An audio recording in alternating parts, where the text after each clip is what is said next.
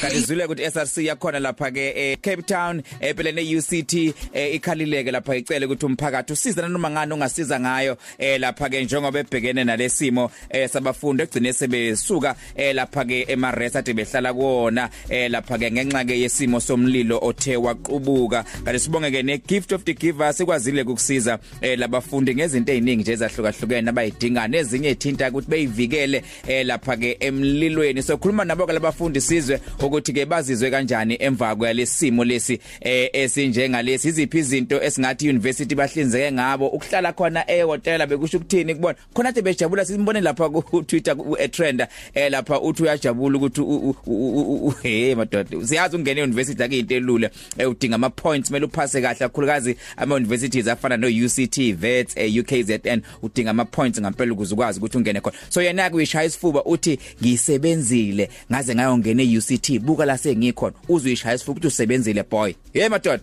ngoba manje uhambe we UCT and usehlala ehotela ke simuzwe I would like to take this opportunity to thank 18 year old me who worked tirelessly to get into UCT You did well my boy. You did well my boy. Yey uthi uthi usebenzile uyishaya isifuba uthi ngisebenzile buka nje ngazongena eUCT nje manje sengisehotela. Usho lapho indlela agqoke ngayibona insizwa ukuthi iphile enye impilo lensizwa ngempela impilo esophisticated impilo esezingeni eliphezulu ibhinqa ithawuli linya lifaka ekhanda. Angazi noma ifali lahlela izibuko yini futhi ungathi biphuza itiye laphana.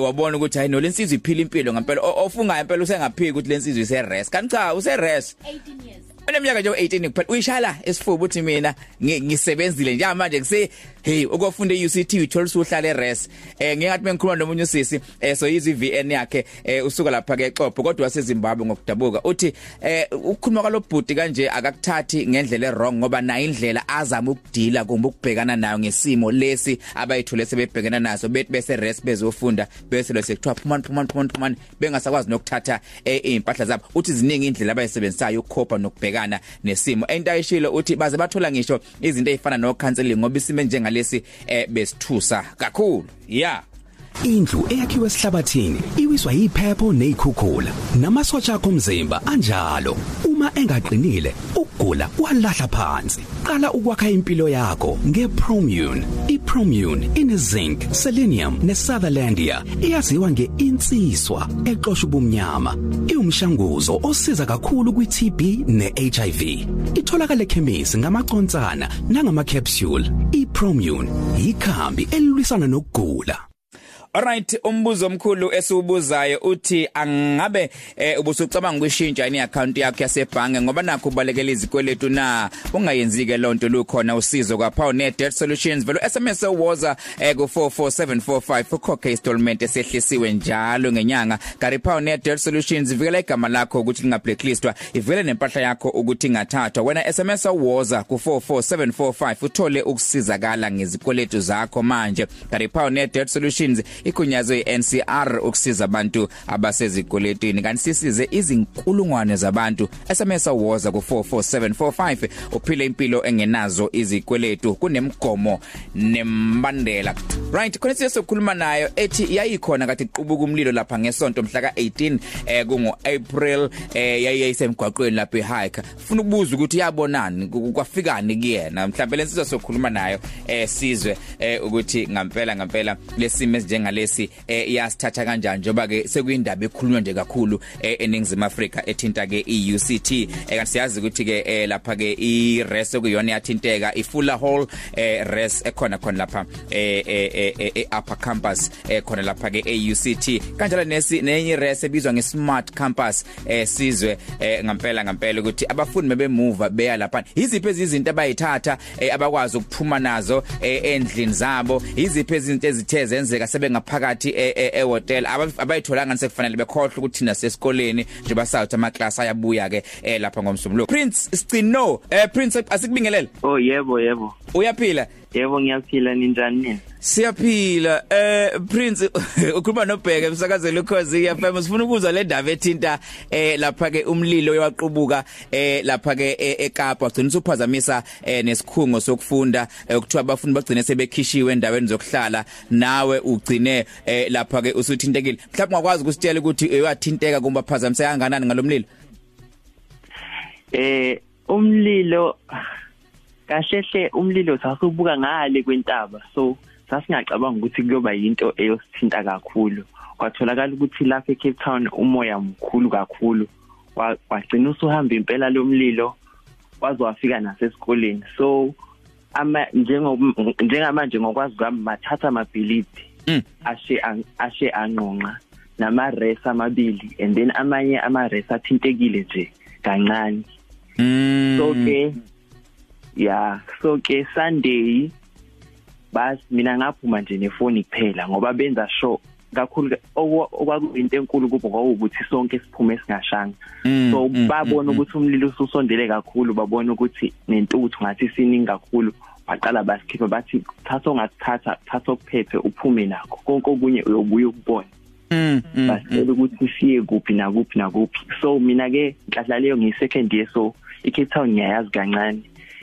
So bengizazi izindawo khona kade bengazi nokuthi kumele bashone kuthiwa yiye e police station naba abayazi kwa police station le. Mm, mm, so ke basithatha ke basifaka emabhasini sihamba sayolinda endaweni ezihlukene Mm.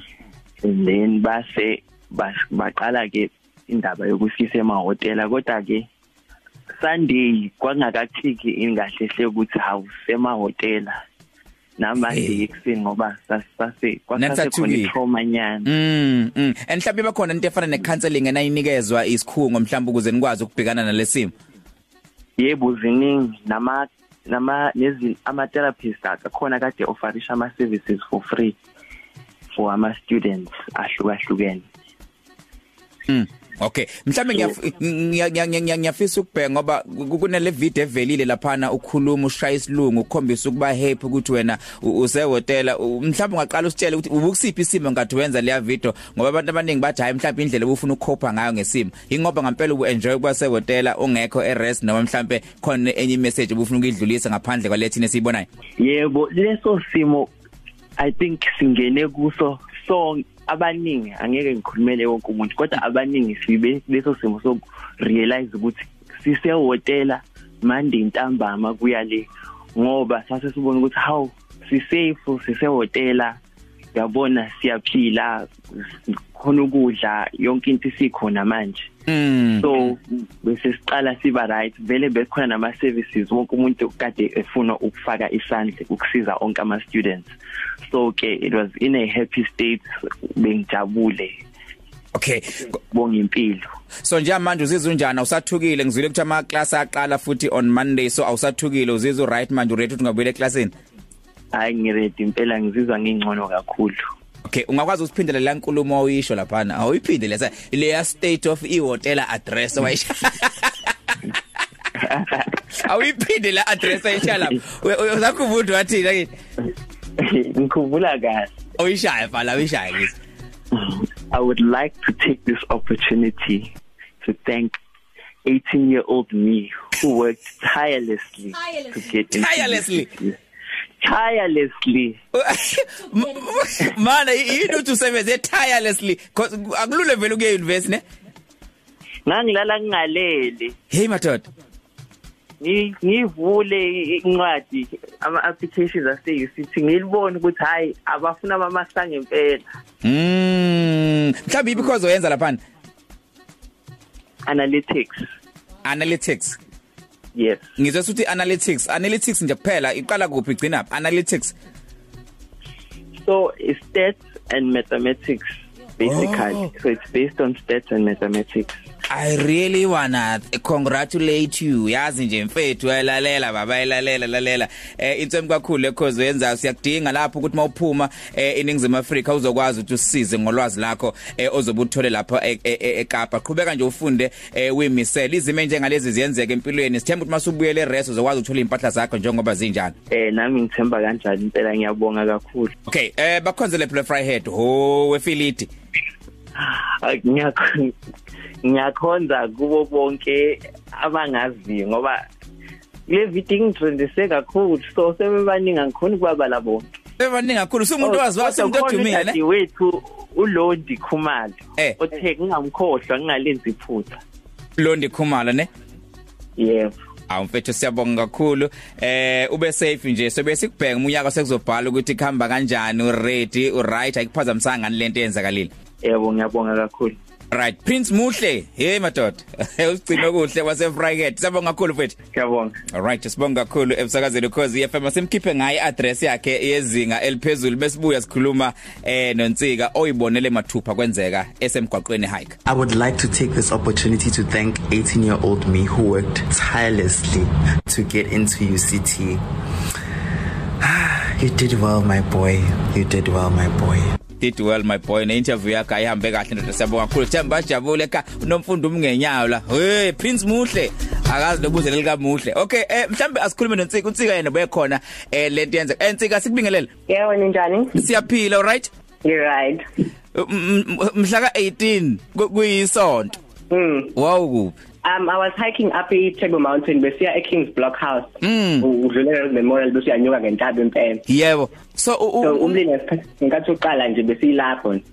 benilapho ne Mm. so i- m- mhlambe mawuqala umlilo yini wabona wabona sekuvutha umlilo wabona sekwenzala wabona sekunentuthu bathina abantu abagadana ababhekelele zokuphepha nga- eh, eh, lana nikhona Into nje sayibona sisanyuka intaba kodwa singawutshela ukuthi umlilo omkhulu kakhulu. Mm. Kodwa ngesikhathi siphezulu sabona ukuthi hayi ngoba sekufika nama helicopters zama ukucima umlilo ukuthi hayi i serious le ndaba. Okay so manje uma ukuthi ke isiyenzeka leyo mhlambe kwenzakalana uhambo lena vena ninqamula nibe ngisaqhubeka na hike nanyuka intaba Yeah we kufanele siphindele emuva sigijima futhi ngoba sikwazi ukuthi umlilo nawo uthatha isikhathi esingakanani ngoba phela uyashesha. So thathe sibothi ingcono sigijime siphindele emuva ngoba ayikho into esoyenza ngeke sikwazi ukuqhubeka. Ma- mama Ntsika wena vele uhlala khona eCape Town ne Cha bo ngisuka kwaZulu Natal. usuka kwaZulu Natal so njengamanje us- Nje kwami oqala nje lo. Oh okay okay okay oh okay no sengiyithola sengiyithola indaba yakho kodwa wawukade uhlela ukuthi uzohamba uyo hike entabeni kube kuhle kanti uzohlangabezana nalesimo lesi Yeah. Kodwa mhlawumbe abasiyazi ukuthi isimo njengalesi senza umonakalo omkhulu endaweni ezinikeza hlukene sinjanje isimo sabantu eh, eCape Town solokhu lento yenzakalile. Ngesonto nje intuthu ayigcwele idolobha lonke. Ngisho kuthiwa usuka eduze kwayo intuthu yayigcwele yonke indawo awuyizwa nje mose mose Kapa edolobheni. So ngesikhathi thina sisuka nje kwaku- kwakunokuthuka phela khona ngoba phela ayivamisile lento ukuthi yenzeke. So ngoba sesokhisha ama rest kuthiwa phuma manje ayike into ezoyenza. So ngoba kufanele sithathe into zethu lokwazi ukuthatha uphume nakho. Izimpahla zokugqoka wawunganazo. Wawungathatha ngisho ne toothbrush ngitsho ne- ne- nento yokungisho ne nethawula lakho lokugeza wawungaphethe lutho nje wawuhamba nje ungazi ukuthi uyaphi. Mm. So nawe ugcina ungenile ehotela ngizwile abanye sebayakhishwa babuyisela ama rest ngoba ama rest abo eh assessment sokuthi sebengakwazi ukubuyela kuona kodwa abanye kuthiwa abakwazi ukubuyela ema rest ngoba asaqhutsheka ayakhiwa sebasazoya kwamanye futhi ama hotela so wena sithini simo sakho usehotel usubuyele rest kwenzakalani Thina sebesibuyisele le rest ngoba i-rest sibinga affectaka kakhulu ngenxa yomlilo so base besasibuyeleke. yini igama le rest Ikopani. ikopani Yes. kusho ukuthini ikopani uzokwayibuza nje It's nice. it's nice ne Yes. Alright mfethu siyajabula siyabonga ukukhuluma nawe. Sicela ube safe. Lokho kwenzakalile ungakuphazamise ekufundeni. Eh uqhubeke ufunde eh ukuze makufika isikhathi sokubhala ubhale ukwazi ukuthi eh uphase. Eh uhlezi nje u safe and siyajabula ukuthi eh, unomusa eCape Town kodwa izinto ezifana no tourism uyakwazi ukuthorisha ubone indawo iunderstand kungakuthusi ukuthi qhamuka umlilo njengalo bese uthi ngeke ngiphinde nje ngihambe bekuyidloze belisho kanje. Ngeke ngisaqhubeka ngapha qhubeke nje ube safe ube right uexperience impilo kodwa futhi ungakhohlwa incwadi Yebo siyabonga. Alright, sibonga kakhulu utsika emsakazweni Khosi. Thothula nama VNL2 kwabanye abafundi basuka khona eCape Town. Igama lami nguSinenhlanhla Success Sithole ngisuka eKZN ngise UCT ngenza onyaka wami wokuqala kwimedicine ngihlala eFula Hall eUpper Campus. Namhlanje ke siyabuyela eRes. After isikhathi esimnandi sisehotela ngoba since singasenayo indawo yokuhlala ama-res ethu enenkinga sabasibukhela emahhotela.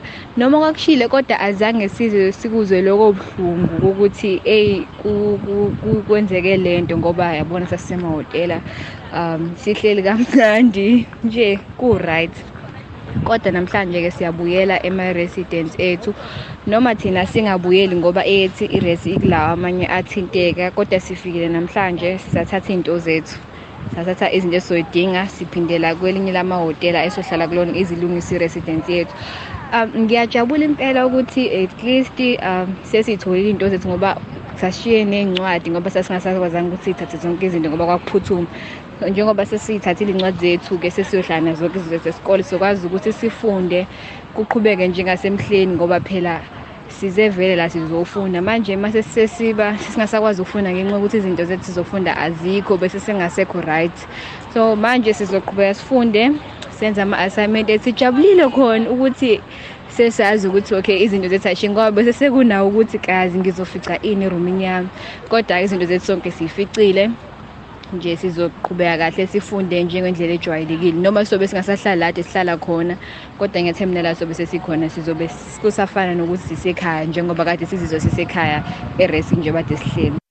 Igama lami ngikufaith wakamzondo. Ngifunda eyunivesithi yasekapa ngenza unyaka wami wokuqala wezifundo zami ze-actuarial science. Umlilo uqale ngabo-4 ekuseni kodwa thina besingakazi ukuthi kunomlilo. Sathi ngabo-9 satshela ukuthi sihlale emarezini irezi yami ise-upper campus la kade kunomlilo khona. Kwathiwa sihlale khona uh, singaphumi ngoba kunentuthu futhi sizogula sahlala. Kwathi zange kudlule nesikhathi mese kwathiwa phume kwakhala nama-fire alarm. Ila khona safika khona khona abantu emnyango besikhombisa ukuthi kumele siyephi besingakwazi ukuthi sithathe okuningi ngoba besingalindele ukuthi kuzoba nomlilo ozoshisa izinto zethu. Kweyami irez ise-upper campus khona abahlali bawucisha umlilo khona iroom elasha. Kumele balungise lokho ngathatha i-laptop kuphela i-laptop ne-ID kuphela yilokho engakwazi ukuthi ngikuthathe. Kwathiwa siye eRondebosch siyolinda khona salinda amabhasi. Amabhasi wafika wasithatha wasibeke emahoteleni e-waterfront ila ekade sihlala khona. Kuze kufike inamhlanje namhlanje. Abanye